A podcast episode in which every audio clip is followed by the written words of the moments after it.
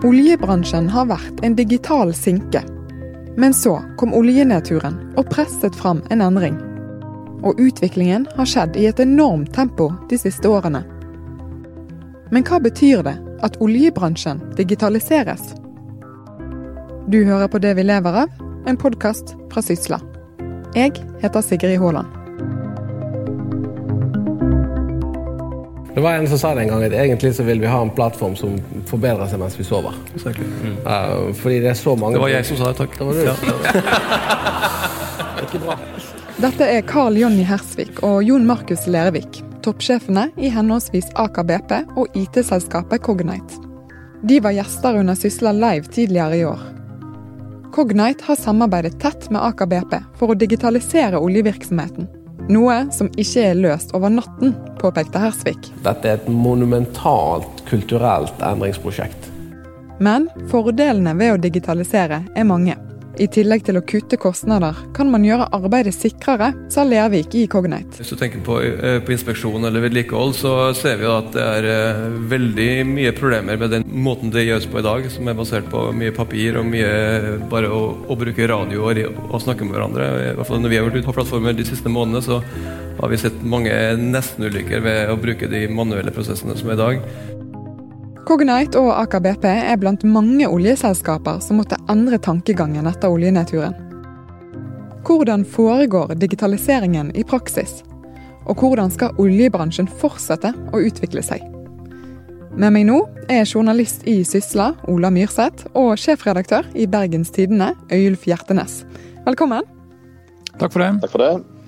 Ola, det har jo skjedd utrolig mye med tanke på digitalisering i oljebransjen siden nedturen startet. Kan du eh, ta oss med litt tilbake? Det kan jeg gjøre, og eh, jeg tror jeg skal begynne med å ta oss enda litt lenger tilbake. For det er viktig å ta med i betraktningen at digitalisering er et veldig vidt begrep, og det er jo prosesser som har pågått veldig lenge. Det er jo sikkert mange som eh, ser på Lykkeland for tida, og bildene fra den eh, riggen Ocean Viking der, der vrimler jo folk rundt på dekk. Sånn er det ikke lenger.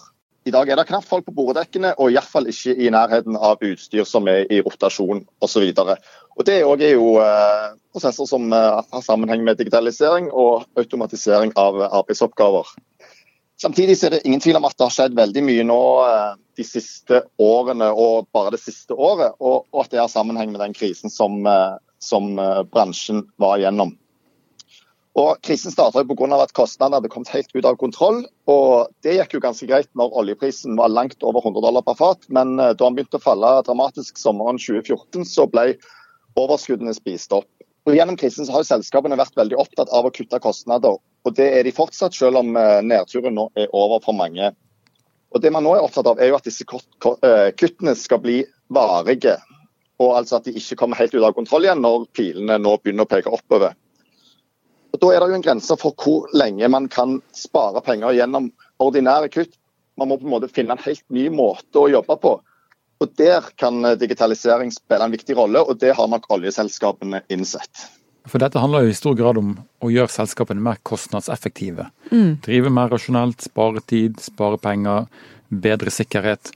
Så sånn at den, den, digitaliseringen som vi snakker om her, handler jo egentlig om en litt sånn kontinuerlig forbedring-type arbeid.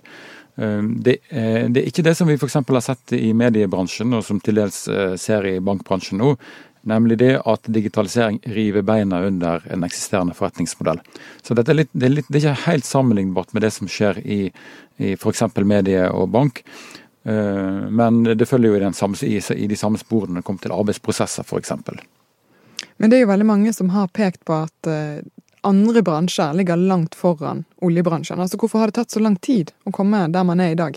Det handler nok litt om at oljebransjen har vært en konservativ bransje, der man har uh, gjort det på samme måten som man har gjort det tidligere. Og så handler det òg om at det har vært en veldig lønnsom bransje der man egentlig ikke har sett behovet for, for bedre effektivitet. Uh, men som du er inne på, så har det virkelig skjedd noe nå. og Jeg har jo skrevet litt saker om dette i det siste. og DNV GL, som er et uh, klasse- og rådgivningsselskap, de lager hvert, hvert år en rapport om oljebransjen. Og I fjor så sa 49 av eh, de spurte bedriftene at eh, digitalisering måtte til for å øke lønnsomheten, men i år så hadde det tallet steget til 70 Så det er ingen tvil om at nå har også oljebransjen innsett at uh, digitalisering må til. Men, men, hva betyr det egentlig? Altså Når man hører digitalisering av olje, hva, hvordan i all verden foregår det? Det betyr jo veldig mye forskjellig, og, og alt fra revolusjonerende ting til, til mindre, mindre, endringer. Men et eksempel er jo at uh, oljeselskapet Aker BP de er nå i ferd med å flytte kontrollrommet på Ivar Aasen-plattformen fra Nordsjøen til Trondheim. Fra og med neste år, eller uh, ganske snart, så skal operatørene i kontrollrommet på Ivar Aasen-plattformen sitte på land. Og dette med at man kan gjøre mer på land er jo en viktig del av digitaliseringen. Både fordi man, eh, man får tilgang til data som man kan overvåke fra Man kan overvåke det som skjer ute, i, eh, ute på sokkelen fra land. Og det er jo eh, både veldig kostnadsbesparende, men òg bedring av sikkerheten fordi det er, færre folk ute i havet. Et annet eksempel på, på hvordan digitalisering tar form, er jo at jeg var ute i, eh, hos Aker Solutions her i Stavanger eh, i forrige uke. og Der har de nå et, et eh, visualiseringssenter hvor du, kan, du får helt autentiske modeller av den reelle situasjonen ute i, på installasjonene. Og Du kan teste og gjøre egentlig alle oppgavene på forhånd og er på en måte drilla når du kommer ut. og Da vet alle hva de skal gjøre, istedenfor at de må gjøre det første gangen ute i Nordsjøen. Et tredje eksempel er Equinor og et lite teknologiselskap som heter Blue Logic her i, holder til på Forus. De er nå i ferd med å, å teste ut uh, undervannsladere for, uh, for, droner. Og Målet er at du skal kunne ha droner permanent uh, stasjonert under overflaten, som kan drive inspeksjon og, og sånt på, på havbunnsanleggene. Det er utrolig mye forskjellig som skjer. Det høres veldig high-tech ut. Det er veldig high-tech, det er det ingen tvil om. Og det er jo eh, spennende å se på disse tingene. Det er jo litt sånn eh, Ja, det er veldig interessant. Hvem er det som på en måte er kongene på digitalisering i oljebransjen i Norge? Du har jo nevnt noe nå. Ja, eh, og det er jo mange som har kommet et godt stykke. Men i hvert fall blant operatørselskapene så er det veldig mange som trekker fram Aker BP som det selskapet som ligger aller langst fremme. De er jo operatør på det nevnte Ivar Aasen-feltet. og Eh, Aker BP har òg inngått et omfattende samarbeid med, med IT-selskap som heter Cognite. Og blant annet så er det utvikla et verktøy der som gjør at eh, folk ute på plattformene de kan gå rundt med en iPad på sine inspeksjonsrunder, og programvaren kjenner igjen alt utstyret som er på plattformen, ved at man bare peker med kamera på iPaden. Og Så kommer all nødvendig informasjon opp, og denne blir jo da oppdatert i, i sanntid. Og Tidligere måtte man jo gå rundt med svære dokumentmapper og da hadde jo heller ikke de på land tilgang til dette, så det er jo eh, det er enorme forbedringer. Så Aker BP er nok kanskje det selskapet som er, er lengst framme. Nå har vi altså kommet et stykke på vei, eller et godt stykke på vei. Men, men hva må man gjøre nå for å komme videre? Den største utfordringen akkurat nå er jo tilgang på folk og på rett kompetanse i, i, bedriftene. Det er jo Når du spør bedriftslederne i mange av eh, bedriftene i denne bransjen her, så eh, mener de at selskapene er gammeldagse. Eh, og eh, selskapene må ut og rekruttere den kompetansen som òg veldig mange andre bransjer må rekruttere. F.eks. dataeksperter eller såkalte data scientists, eh, analytikere. Folk som har en annen kompetanse som òg er etterspurt i mange andre bransjer. Og så må man da lykkes med å koble den kompetansen med fagkompetanse. For det, det er ikke bare å få inn en haug med IT-folk og så løser alt seg. Man må koble eh, fagkunnskap, bransjekunnskap, kunnskap om arbeidsprosesser med eh, datakunnskap, med IT-kunnskap osv. for å skape, lage gode team. Eventuelt så kan man òg samarbeide med andre selskap. Det er det òg mange, eh, mange som gjør. Eh, og så til slutt så vil man jo da, uansett hva man gjør, så vil man møte på en sikkerhetsutfordring òg mm. Eh, på sikt. Fordi jo mer man digitaliserer, jo mer eh, data, jo lettere blir det å angripe selskapene. Og dette er jo òg noe som vi ser i mange andre bransjer, f.eks. innenfor bank og finans.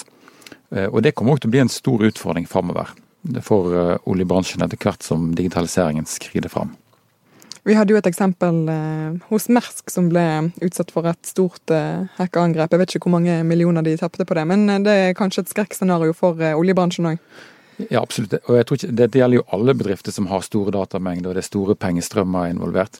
Så dette må jo være, det er jo definitivt et skrekkscenario for alle, men, men selvfølgelig òg for Equinor og for alle de store selskapene, som kanskje er de som er mest utsatt. Men igjen er de som òg har de største ressursene til å jobbe med akkurat det her. Du var jo litt inne på det med at man nå må hente IT-folk og, og, sette de i team.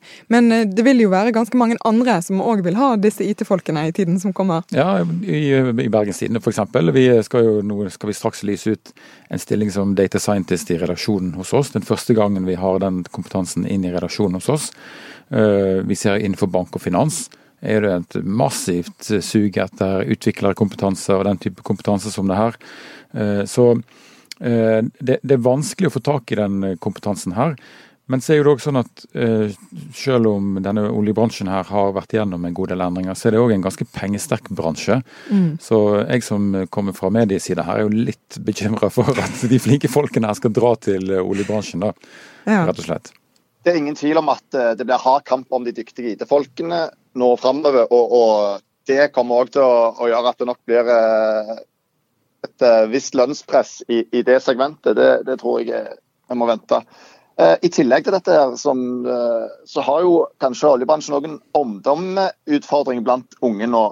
det handler jo både om den krisen vi har vært gjennom nå, og måten man så at oljebransjen kvitta seg med folk i titusentalls. Og så er det jo mange som er opptatt av miljø og grønn energi, og der er kanskje ikke oljeselskapene lengst framme i hjernebarken hos nye potensielle arbeidstakere.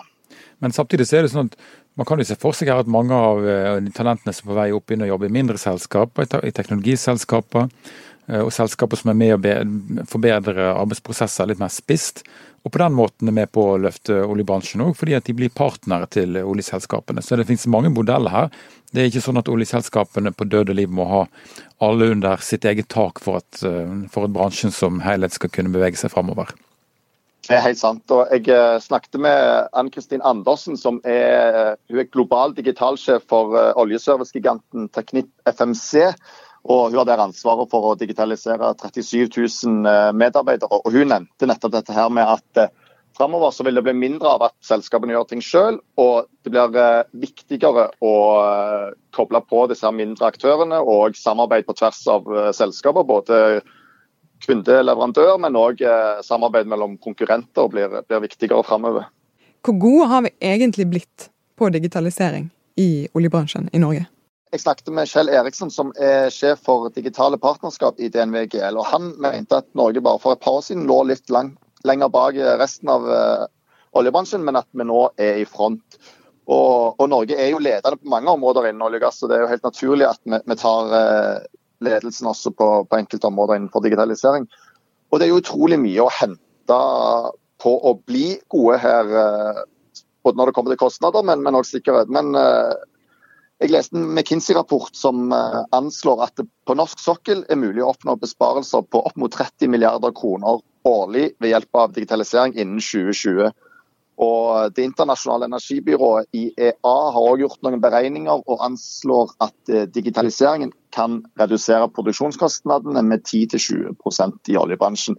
Så det er store summer å hente når vi vet hvor mye penger det er i den bransjen. Men Den store utfordringen her er å fylle digitaliseringsordet med innhold. for Det er jo, det er jo sånn at det er jo et buzzord som blir brukt alle veier. og det jeg har lest nok av konsulentrapporter fra store internasjonale konsulenthus som kaster digitalisering i bordet, og så ligger det noen milliarder rundt og, og slenger. Uh, og, så det er klart, det, det, er jo det er langt vanskeligere sagt uh, Nei, langt, vanskeligere gjort enn sagt, akkurat det. Ja. På den andre sida så er det sånn at hvis det er noen som skal klare dette her, så det, må det være den norske uh, oljebransjen. Eh, næringslivet i dette landet her har over flere tiår vist seg utrolig omstillingsdyktig. sånn at det er òg gjennom oljekrisa. sånn at eh, Bransjen her er veldig godt posisjonert til å få dette til. Og så tror jeg òg at av og til er det litt eh, fort å undervurdere hvor langt framme Norge faktisk ligger når det kommer til digitalisering. Her i forrige uke så var jeg i Tyskland, i en by på størrelse med Bergen. Satt på en restaurant, og der var internettdekningen edge.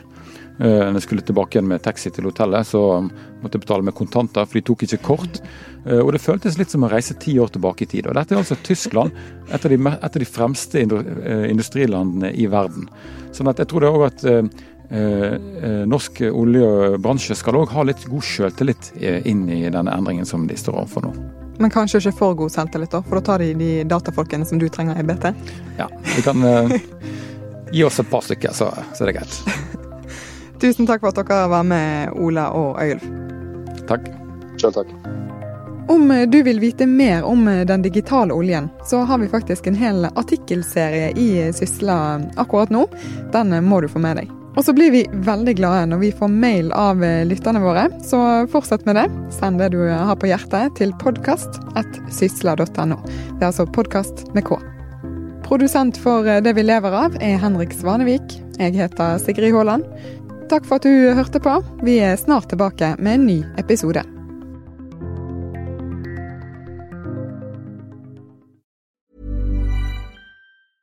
This Mother's Day, treat mom to healthy, glowing skin with Osea's limited edition skincare sets.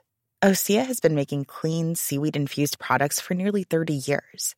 Their advanced eye care duo brightens and firms skin around your eyes, while the Golden Glow Body Trio nourishes and smooths skin all over. Go to OSEAMalibu.com and use code MOM for 10% off your first order site wide.